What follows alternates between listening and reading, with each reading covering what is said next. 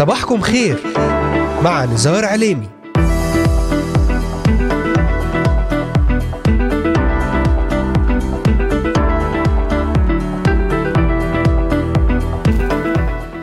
أهلا وسهلا بجميع مستمعاتنا ومستمعينا الكرام وبجميع الذين انضموا الآن لبرنامج صباحكم خير. اليوم الأربعاء معكم على الهواء مباشرة نزار عليمي أهلا وسهلا بكم في إذاعتكم صوت الأمل.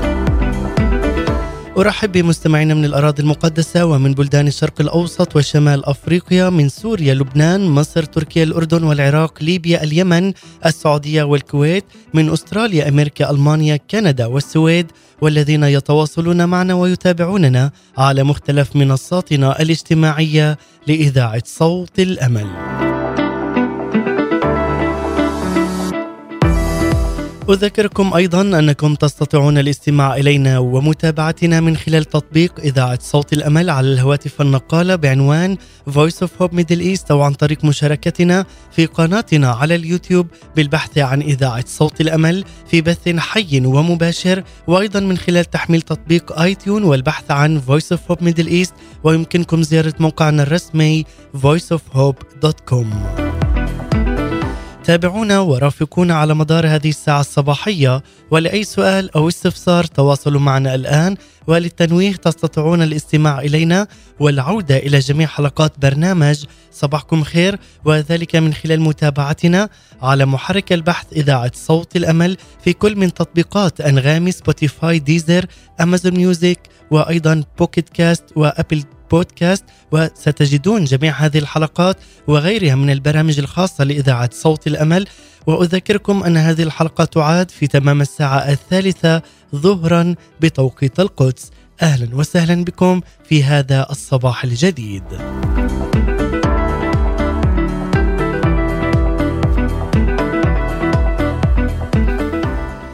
هل نحن كنيسة مصلية؟ هل سبق لك وأن فكرت فيما كانت الصلاة في حياتك أم بقيمة الصلاة بالنسبة لك؟ هل امتحنت نفسك وتمنيت لو أن علاقتك بالله واتصالك اليومي به في الصلاة يتقوى أكثر فأكثر ويوم بعد يوم أم هل أنت إنسان صلاة ولكنك تشعر أن صلواتك لا تتجاوز سقف الغرفة التي تصلي بها ثم تعود هذه الصلوات إليك بعد اصطدامها بهذا السقف هل سبق وأن فكرت حقا أو آمنت فعلا أنه توجد قوة حقيقية في صلواتك إلى الرب يسوع المسيح؟ لذلك عزيزي المستمع يبدو أننا كمسيحيين نصلي إلى الله من أجل أمور معينة سواء في حياتنا أو حياة الآخرين من حولنا. لكننا نفاجأ عندما يستمع الله لصلواتنا ويحقق لنا حاجاتنا. توجد لدينا مئات الكتب والمقالات التي يمكن أن تساعدنا على إقامة علاقة قوية مع الله بالصلاة. ومع ذلك فإن أفضل معلم وأفضل مرشد للصلاة يبقى وحده هو ربنا ومخلصنا يسوع المسيح الذي صرف أطول وأهم وأنجح وقت في الصلاة وتكون هذه فعالة مع الله الآب. علينا أن نصغي إليه وهو يعلمنا ويرشدنا أهم المبادئ في الصلاة وخاصة في الحياة المسيحية المثمرة لنكون نحن أبناء مباركين أبناء خاضعين للمشيئة الإلهية. أن نكون خاضعين لصوت الرب يسوع المسيح الحي. خاضعين له ونحن نردد أبانا الذي في السماوات. هو الآب الحي في السماء. لكل واحد منا وأنت ابنه الحبيب. أبانا الذي في السماء ليتقدس اسمك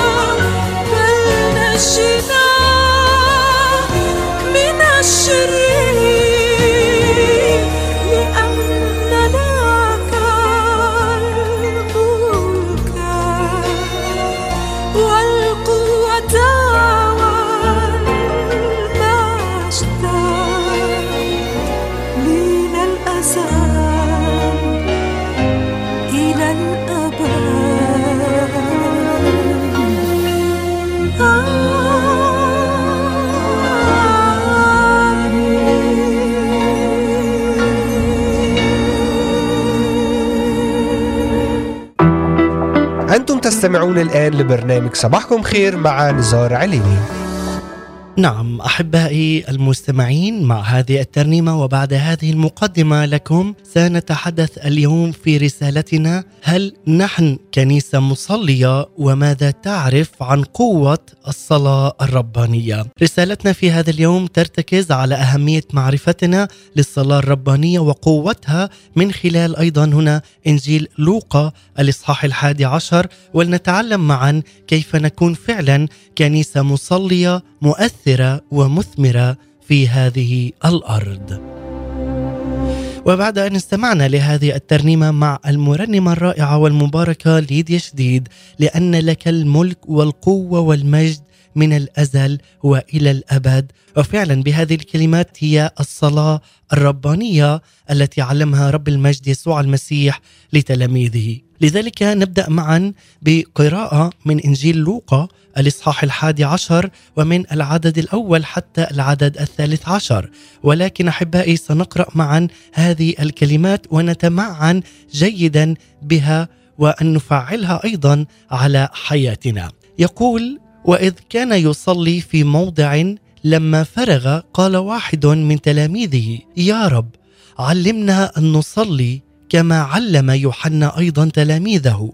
فقال لهم متى صليتم؟ فقولوا أبانا الذي في السماوات ليتقدس اسمك ليأتي ملكوتك لتكن مشيئتك كما في السماء كذلك على الأرض. خبزنا كفافنا أعطنا كل يوم. واغفر لنا خطايانا لأننا نحن أيضا نغفر لكل من يذنب إلينا. ولا تدخلنا في تجربة لكن نجنا من الشرير. إلى هنا أحبائي سنقرأ حتى العدد الرابع ونكمل فيما بعد. وفعلا هذه الكلمات الرائعة. عندما نقرأها نشعر بهذه القوة الإلهية. عندما نقول أبانا الذي في السماوات. كم هو فعلا جميل أن نقرأ وأن نتعلم أن يسوع المسيح هو أبانا الذي في السماوات. ونحن أبناء الرب يسوع المسيح ليأتي ملكوتك لتكن مشيئتك أن تعلن مشيئة الرب يسوع المسيح على حياتك. كما في السماء كذلك على الأرض. أن يعطيك الخبز وكفاف يومك تكتفي بهذا اليوم وبهذا الخبز الذي أعطاك إياه. وأن تغفر كما هو غفر أيضا لكل واحد فينا خطايانا. لكي لا يدخلنا في أي تجربة وينجينا من إبليس الشرير. هذا هو يسوع المسيح إلهنا ومعلمنا ومرشدنا. لذلك هنا عندما نقرأ في لوقا الإصحاح الحادي عشر نقرأ أنه كانت هنالك رغبة حقيقية لدى التلاميذ أن يتعلموا هذه الصلاة الربانية. وبالتأكيد هنا صلى التلاميذ قبل هذا الوقت. ولكنهم لاحظوا هنا وجود أمر مختلف في صلاة الرب يسوع المسيح له كل المجد. لذلك أرادوا أن يصلوا مثله بالضبط.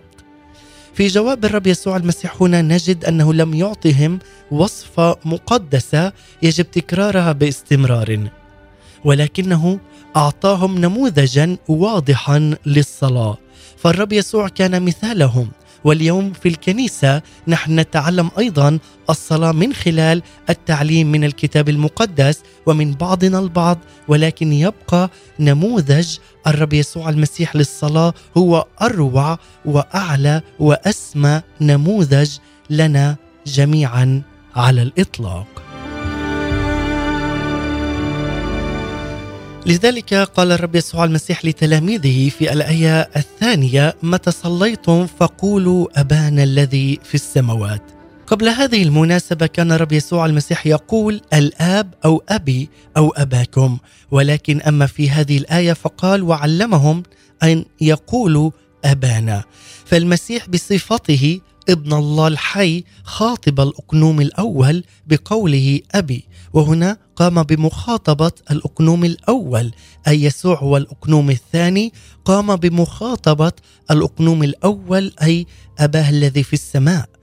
أما التلاميذ فبصفتهم أبناء الله بالتبني بالإيمان بيسوع المسيح فقد اكتسبوا هذا الحق المقدس. وأنت اليوم عز المستمع اكتسبت هذا الحق المقدس أن تخاطب الله وأن تقول له أبانا الذي في السماوات. لماذا؟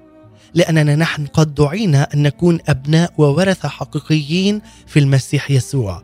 هذه الكلمة وحدتهم كإخوة في المسيح يسوع في روح الصلاة وهو ذات النموذج الواحد والذي يتبعون رب المجد يسوع المسيح وذلك بمخاطبة الله بكلمة أبانا. وهذا أيضا ما يميزنا اليوم ككنيسة واحدة وموحدة وكإخوة وأخوات أيضا في جسد يسوع المسيح أن نصلي بروح واحدة ذات نموذج واحد وأروع نموذج هو صلاة يسوع المسيح وعندما أيضا نقول وندعي بكلمة واحدة أن نقول أبانا الذي في السماوات.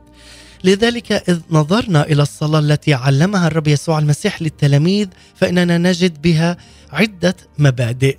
ومن أهم هذه المبادئ سنرى مع بعضنا البعض اولا علينا أن نقترب إلى الله بمهابة وخشوع. عندما نتعلم من عبارة الذي في السماوات أبانا الذي في السماوات بأننا هنا لا نتقدم إلى أب أرضي محدود القدرات أو الوجود بل نحن أحبائي نتقدم إلى خالق كل الوجود إلى رب المجد يسوع المسيح إلى الازلي الأبدي إلى الألف والياء إلى البداية والنهاية إلى رب المجد. خالق السماء والأرض.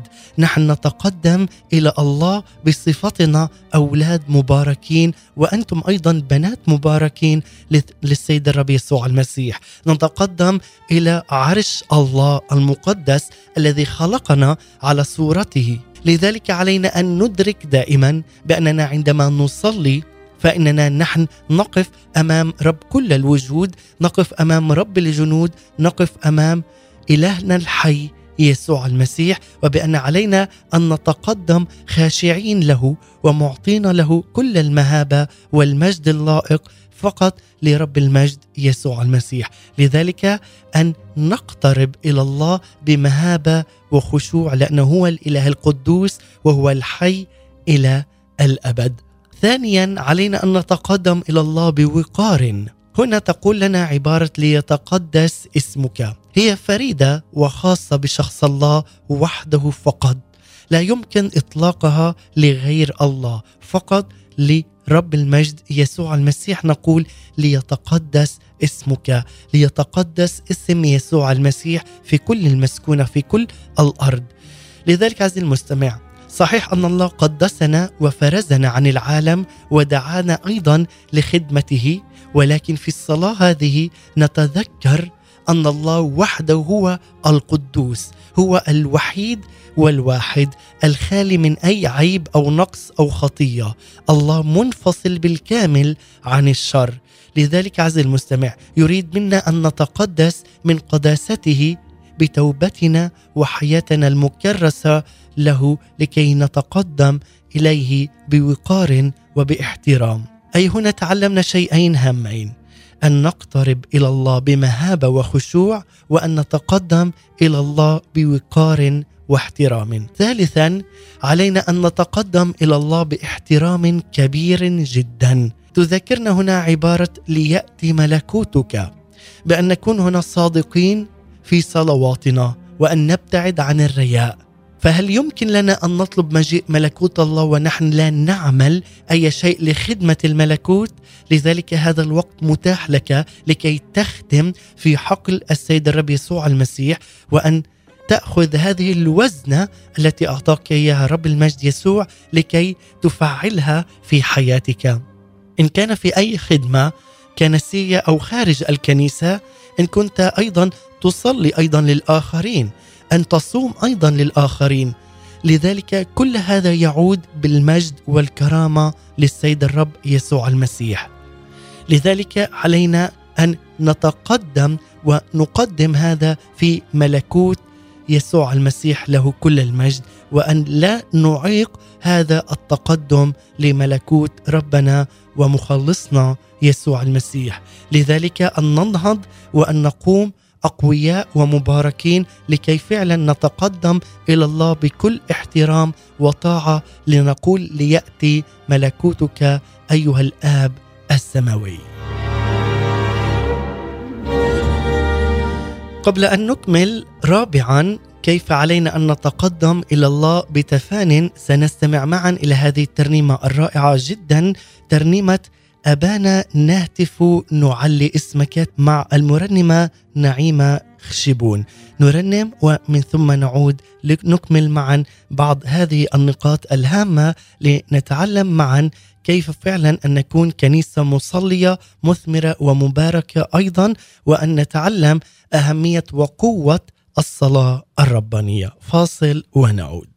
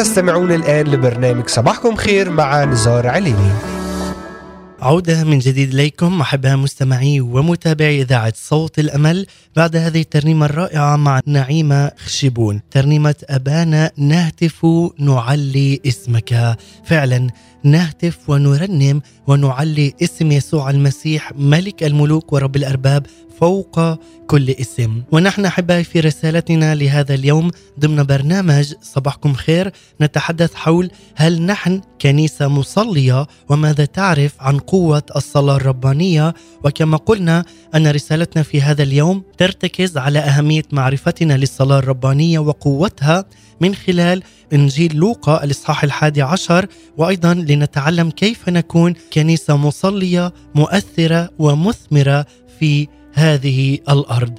لذلك أحبائي قبل هذه الترنيمة تعلمنا ثلاث مبادئ أساسية وهي أن نقترب إلى الله بمهابة وخشوع، ثانيا أن نتقدم إلى الله بوقار، ثالثا أن نتقدم إلى الله باحترام. الآن رابعا والذي نتعلمه شيء مهم جدا وهو علينا أن نتقدم إلى الله بتفان أي في طلبنا هنا قائلين عندما صلى لتكن مشيئتك كما في السماء كذلك على الأرض. وطبعا أحبائي جميع هذه المبادئ مبنية على الصلاة الربانية التي تعلمناها وأيضا بدأناها في بداية هذه الحلقة. هنا أحبائي نحتاج أن نتذكر بأن مشيئة الله تتم وستتم سواء صلينا وطلبنا ذلك من الله أو لم نطلبه، لكن للأسف الشديد نجد في الحياة العملية بأن ليس جميع المؤمنين يعيشون بحسب مشيئة الله علينا أن ندرك أيضا بأننا لن نرى إتمام مشيئة الله في حياتنا إن لم يملك هو رب المجد على حياتنا على أفكارنا على أجسادنا على أرواحنا على نفوسنا في كل يوم. لذلك يجب أن يكون الله هو السيد والرب الكامل. يجب أن نخدم ملكوت الله. أن نبدأ من هنا ونحن على الأرض أن نخدم اسم يسوع المسيح وأن نرفعه عاليا وأن نخضع له بالكامل وأن نخضع إرادتنا نحن بالكامل وبحرية كاملة لإرادة ومشيئة رب المجد يسوع المسيح. هذا هو معنى أن نتقدم إلى الله بتفان عندما نطلب مشيئة يسوع المسيح كما في السماء كذلك على الأرض مهما طال الانتظار عليك أن تعلم أن يسوع المسيح سيتمم سيتمم هو مشيئته لك حسب وعده وأيضا في الوقت والزمن المحدد بحسب وقت رب المجد يسوع المسيح وليس وقتي أو وقتك عزيزي المستمع. خامسا المبدأ الخامس علينا أن نتقدم إلى الله بتواضع.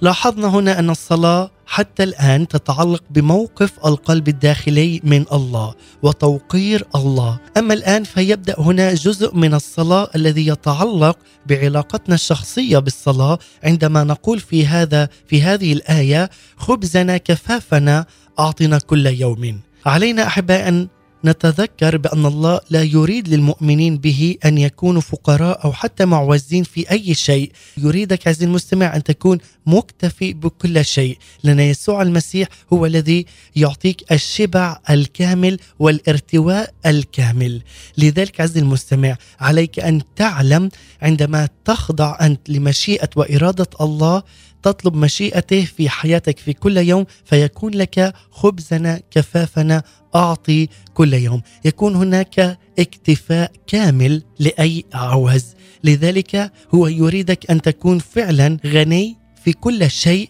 أن تكون غني في البركة والنعمة والكرامة والقداسة أيضا والأهم أن تكون غني بالتواضع ليس بالمال.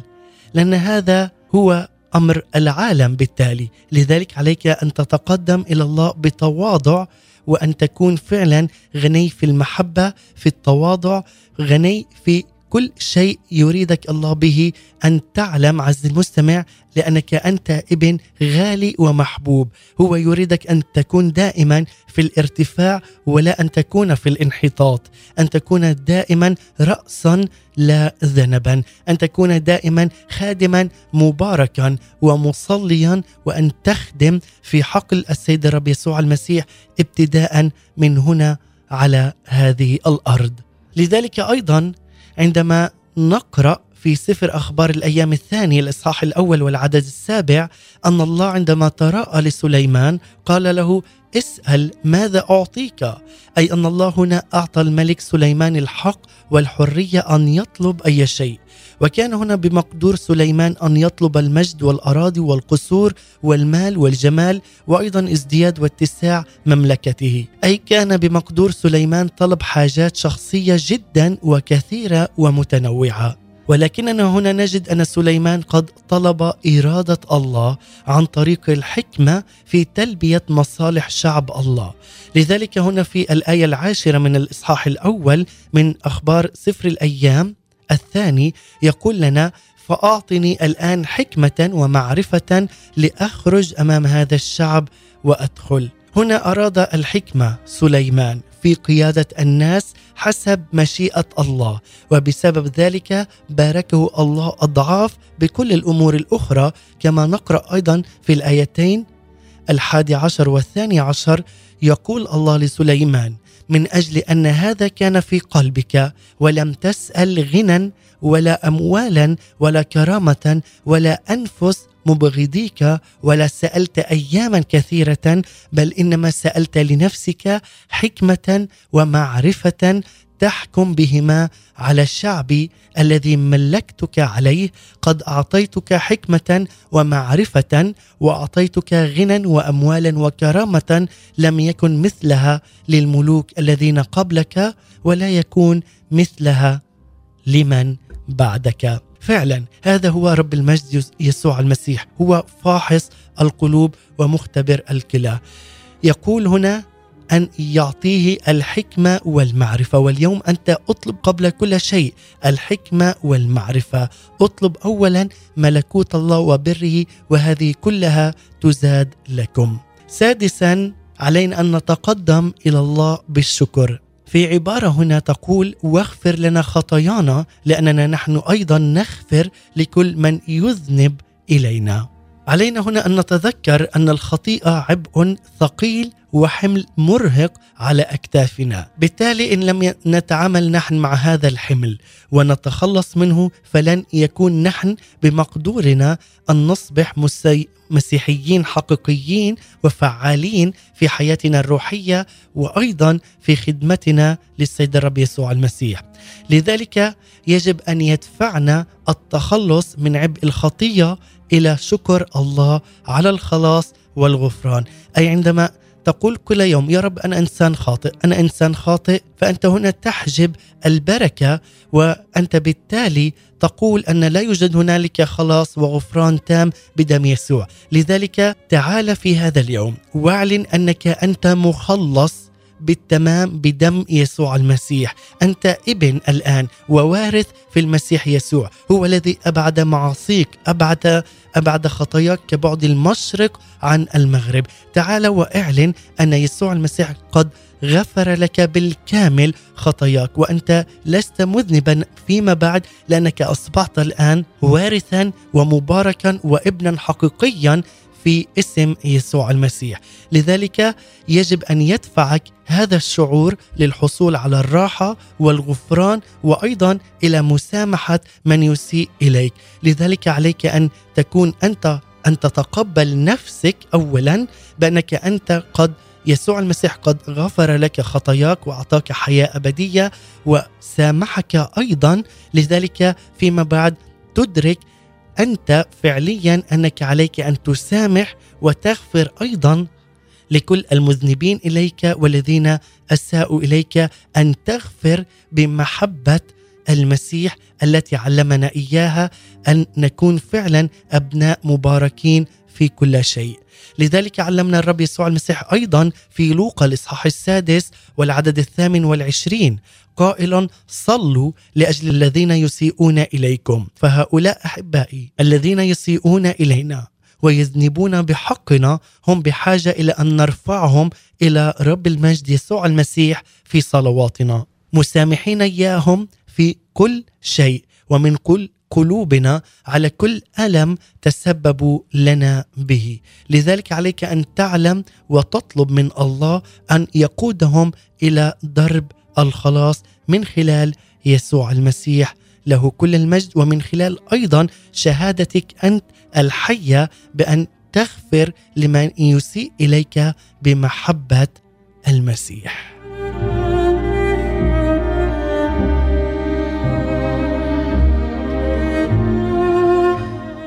اذا أحبائي هنا قد تعلمنا مبادئ جدا رائعة. نعود إليها. أن نقترب إلى الله بمهابة وخشوع. نتقدم إلى الله بوقار. أن نتقدم إلى الله باحترام. أن نتقدم إلى الله بتفان. وأن نتقدم إلى الله بتواضع. وأن نتقدم إلى الله بالشكر. والآن سابعا. أن نتقدم إلى الله بروح طلب الغفران. ماذا يعني روح طلب الغفران؟ هنا لا يمكن لله أن يدفع بأي إنسان إلى الخطية بل الذي يدفعنا ويجعلنا نخطئ هو إبليس. لذلك عندما نصلي قائلين لا تدخلنا في تجربة يجب أن نتابع ولا ننسى بقية هذا الطلب الذي يقول لكن نجنا من الشرير. التجربة تؤدي في الغالب إلى السقوط في الخطية والسقوط يحتاج إلى غفران. التجربة غالبا تؤدي إلى امتحان إيماننا فهل نثبت فعلا أمام إغراءات الخطية أم لا؟ لذلك هل أرتكب خطية بسبب حاجة جسدية معينة أم لا؟ هذا بالتالي يتم بحسب إيمانك ومدى قوة إيمانك ومدى أيضا فاعلية إيمانك في رب المجد يسوع المسيح. لذلك عندما نقرأ في رسالة يعقوب الإصحاح الأول والعدد الثالث عشر لا يقل أحد إذا جرب إني أجرب من قبل الله لأن الله غير مجرب بالشرور وهو لا يجرب أحدا هو لا يجرب أي أحد بالشر لكن إبليس هو الذي يخدع وهو الذي يجرب يجرب الناس بالشرور. لذلك فالمجرب الحقيقي هو إبليس والتجربة عادة تحمل بصمات إنسانية تبين ضعف الجنس البشري كما نقرأ أيضا في كورنثوس الأولى الاصحاح العاشر والعدد الثالث عشر الذي يقول لم تصبكم تجربة إلا بشرية ولكن الله آمين الذي لا يدعكم تجربون فوق ما تستطيعون بل سيجعل مع التجربة أيضا المنفذ لتستطيعوا أن تحتملوا. لماذا لتستطيعوا أن نحتمل جميعنا هذه التجارب التي قد نمر بها؟ ثامنا علينا أن نتقدم إلى الله بوعي وإدراك. ماذا يعني؟ هنا أن نعود إلى عبارة لكن نجنا من الشرير لكي نتذكر دائما بأن الشرير أي إبليس أو الشيطان هو عدونا الأول والأخير والوحيد علينا أن نصلي بحرارة في كل يوم وبوعي تام وإدراك لهذه الحقيقة لئلا نصبح نحن عبيد أفكار ومواقف خاطئة في حياتنا. ماذا يعني؟ هنا الواقع أن الشرير هو مصدر كل شر في العالم وهو إبليس مثل الحروب والألم المرض الموت لذلك بدون العلاقة الصحيحة مع الله في الصلاة في كل يوم فإننا لن ندرك مقدار هذا الشر الكامن في الخطية. فالخطية شر من الشرير وهو إبليس. لذلك علينا أن نتقدم إلى الله بوعي وإدراك أن ينجنا من الشرير في كل يوم لأن يسوع المسيح هو معنا والذي معنا فمن يكون علينا. نحن معنا رب المجد القائم من بين الأموات المنتصر إله الأحياء إله الحياة إله رب المجد لنا جميعا. تاسعا وهذا المبدأ قبل الأخير هنا علينا أن نتقدم إلى الله بإقرار العاجز المحتاج. عندما نطق الرب يسوع المسيح هنا في متى الإصحاح السادس والعدد الثالث عشر بعبارة تتوج وتنهي الصلاة الربانية وهي أيضا غير مذكورة في بشارة لوقا. هذه العبارة التي تقول لأن لك الملك والقوة والمجد إلى الأبد وكما رنمتها بداية ليديا شديد مع هذه الترنيمة التي بدأنا بها في بداية الحلقة. عندما أنهت الترنيمة أو أنهت الصلاة الربانية لأن لك الملك والقوة والمجد هنا يستحق الله أن نقدم له ما يليق به. نحن البشر الضعفاء والمحدودين علينا أن نعترف بأننا فعلا مساكين وعاجزين بدون الله وأن الأمر كله يتعلق به برب الخليقة كلها. الله بقوته يعطينا كل ما هو لازم لحياتنا. هو وحده بالتالي يستحق كل المجد. هو وحده يستحق كل الملك أن يملك على حياتنا على أفكارنا. هو له كل القوة والمجد. له المجد لأنه هو إله المجد وهو الذي يعطينا السلام والأمان الأبدي. لذلك أن نتقدم إليه بإقرار هذه الكلمات الرائعة لأن لك الملك والقوة والمجد إلى الأبد. عاشرا وهي النقطة الأخيرة علينا أن نتقدم إلى الله بصدق وبأصالة. هنا عليك أن تسأل نفسك لماذا تصلي إلى الله؟ فنحن كبشر دائما نخطئ لأننا نصلي إلى الله بدافع أناني وهو الحصول على احتياجاتنا الشخصية، فنحن لا نقول أن الله سدد حاجاتي وأن الله سي سيسير أموري وكثيرا ما ننسى أن الله خالق ورب السماء والأرض يتوقع منا عمل الكثير، فهو يريد منا جميعا أن نعرف بأن فعلا نحبه من كل القلب. يريد أن نخدمه بصدق. يريد أن نخدم رب المجد يسوع المسيح بصدق وأن نخدمه بكل صدق وأمانة. الله يريد أن يباركنا وفي المقابل يتوقع مني ومنك أن نطيعه وأن نخدمه عاملين تحت المشيئة الإلهية. نحتاج في الصلاة أن نستمع إلى ما يريد الله أن يقوله لنا لا أن نتكلم ونتكلم دون إعطاء الفرصة لله بأن يكلمنا هو اولا وأن يرشدنا ويعلمنا. ختاما الله يريد أن يكون لدينا الموقف القلبي والصحيح في الصلاة. هو يريد منا أن نقر بسلطانه وبمجده وبقدرته وبملكوته أيضا. هذا الإقرار في النهاية هو لخيري ولخيرك لأن الله يحبنا ويريد لي ولك الأفضل. لذلك علينا أن نصلي لله بقوة وبحرارة متذكرين أن نتقدم إلى الله بمهابة وبخشوع. برقة ووقار واحترام وتفان أن نتقدم بتواضع وبالشكر الدائم وبروح الغفران وبوعي وإدراك وإقرار العاجز المحتاج ليكون هنالك صدق وأصالة في صلواتنا إلى رب المجد يسوع المسيح.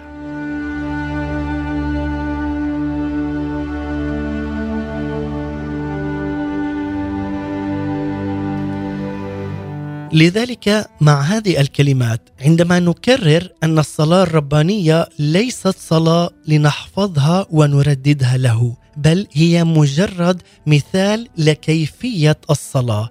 لذلك لا يوجد أي خطأ في حفظ الصلاة الربانية عن ظهر قلب. وأيضا لا يوجد أي خطأ في ترديد الصلاة الربانية أمام رب المجد يسوع المسيح. إن كان هذا من قلبك وكنت تعني له كل كلمة تقولها لكن تذكر أنه في الصلاة يهتم الله بتواصلنا معه وحديثنا معه من قلوبنا إليه أكثر من اهتمامه بالكلمات التي نستخدمها وتكون مكتوبة. لذلك تقول أيضا في رسالة فيليبي الاصحاح الرابع والعددين السادس والسابع لا تهتموا بشيء بل في كل شيء بالصلاة والدعاء مع الشكر لتعلم طلباتكم لدى الله وسلام الله الذي يفوق كل عقل يحفظ قلوبكم وأفكاركم في المسيح يسوع. أي علينا أن نلهج بكلام رب المجد يسوع المسيح ليلا ونهارا وأن نشكره على كل ما يصنعه لأجلنا جميعا. لذلك هي ليست خطأ أن ترددها ولكن أن لا ترددها في كل يوم وأن تبقى هي فقط الصلاة المحدودة لك على نطاق إيمانك عز المستمع. بل أن تخرج من داخل هذا الصندوق إلى خارج لكي تعلم أن يسوع المسيح هو يريد أن تتحدث معه حديثا ممزوجا بالصراحة وأن يكون هذا الحديث بين الله الآب وبينك أنت ابنه الحبيب. لذلك عليك أن تعلم هذا الشيء الهام جدا أنك أنت ابن مميز وغالي على قلب السيد الرب يسوع المسيح. أحبائي قبل الختام بترنيمة جدا رائعة سنستمع الآن وننتقل إلى الفقرة الثابتة والتي تبث لكم أيام الاثنين والأربعاء والخميس بعنوان وجبات روحية مع مقدمة وكاتبة هذه التأملات ايناس دكور سمعان. وفعلا أتمنى لكم الإصغاء إلى هذه الوجبة الدسمة جدا والمباركة التي نقدمها لحضراتكم. لنستمع إلى هذه الوجبة الروحية ومن ثم نختتم بترنيمة عايشين والوعد بيحمينا مع القس الفاضل أمجد سعد ذكري. وجبات روحية صباحية عصرية ومسائية مع إناس دكوهر سمعان. هنا إذاعة صوت الأمل للشرق الأوسط. أهلا بكم.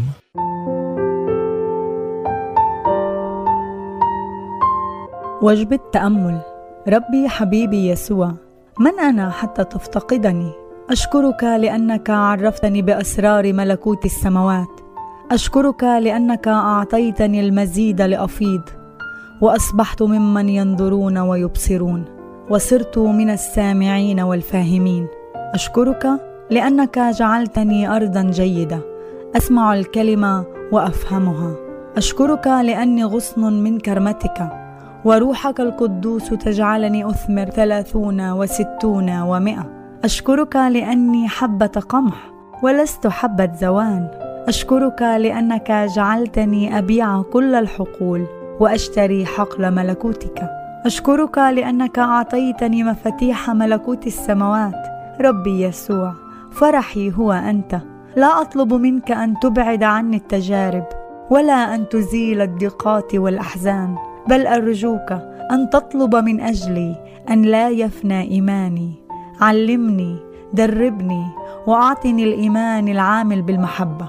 سأمسك بك ولن أفلتك. ساعدني أن أبقى محتذية حذاء استعداد إنجيل السلام. كي أستطيع إيصال رسالة الإنجيل إلى إخوتي بطريقة منطقية ومفهومة دون أحكام لأنك إله رحيم وحنان. شكرا على سيف الروح الذي هو كلمتك التي تنطلق كالصاروخ عبر القارات وتخترق النخاع وتشفي ليس الجسد فقط بل النفس والروح معا وتخلص للتمام. شكرا على سلاح الله الكامل المذكور في أفسس سته لكن شكري الأكبر هو على أسلحة الهجوم التي زودتني بها. لأعيش دائما منتصرة وغالبة بدم الحمل. أشكرك على سلاح الصلاة سلاح التسبيح سلاح الكرازة سلاح الشهادة. وهذه الأسلحة تغيظ أعداؤنا الرياسات والسلاطين وتهدم حصون الشيطان لأنها هزمت وسحقت في المعركة على الصليب. وما أجمل وما أعظم أن أعيش حياة تكون فيها هويتي مختومة بأقوى جملة. ألا وهي الحساب مدفوع. والذي دفعه هو ربي حبيبي يسوع. لك وحدك العبادة والمجد يا رب. آمين.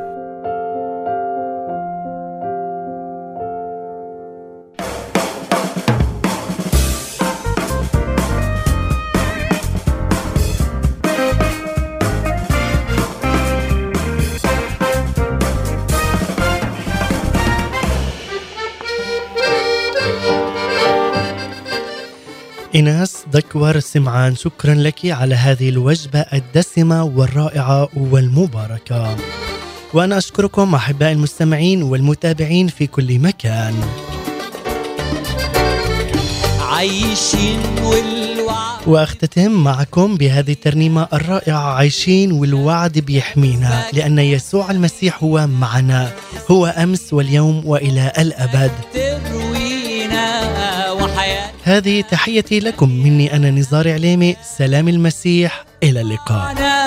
تحقق أحلامنا وحنانك يشفي ألمنا وبحبك تملى أيامنا ولا يرجع القلب يخاف. يسوع يا حلوي يا غالي.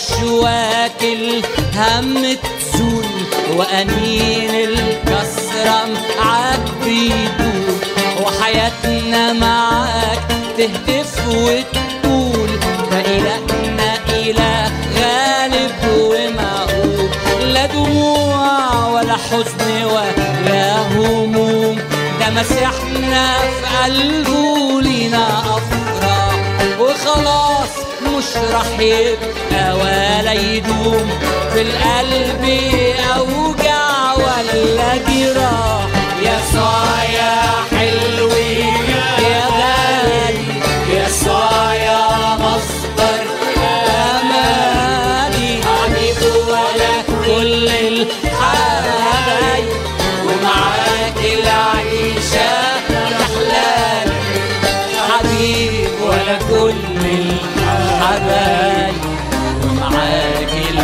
العيشة تحلالي مجدك هيزيد جوا عنينا يشبعنا دايما. وإحنا معاك. ووعودك تسكن فينا أكيد. من مجد المجد نعيش وياك. وتحرر كل المقصورين. ولا يوم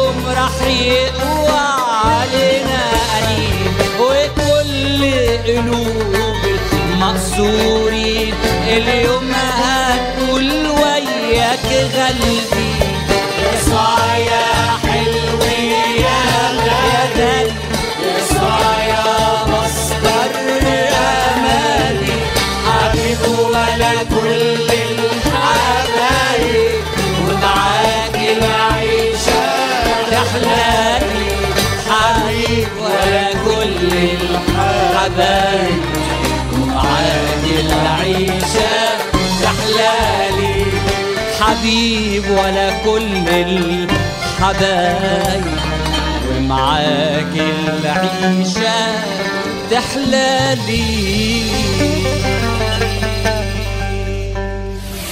أنتم تستمعون لصوت الأمل إذاعة مسيحية للشرق الأوسط From the shore of the Sea of Galilee, this is the voice of hope, Christian radio for the Middle East. A strategic communications broadcast station.